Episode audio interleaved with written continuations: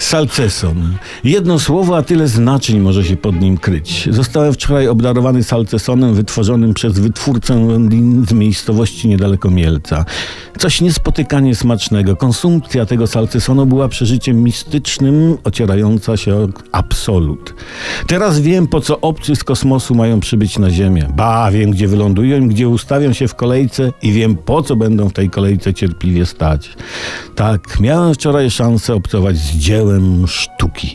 Gdyby Leonardo da Vinci spróbował tego salcesonu, to mielibyśmy obraz zatytułowany nie Dama z łasiczką, ale Dama z salcesonem. A tajemniczy uśmiech Monalizy widniałby na obrazie pod tytułem Radość po spożyciu salcesonu z podmielca.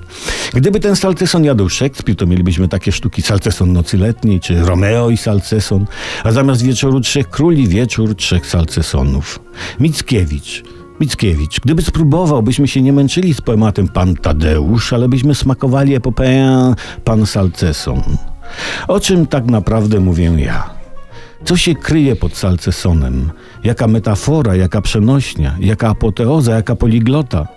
Mówiąc o tym Salcesonie, tak naprawdę mówię o mistrzostwie w rzeczach pozornie małych, drobnych wręcz, lecz jakże wiele znaczących i o zachwycie nad nimi.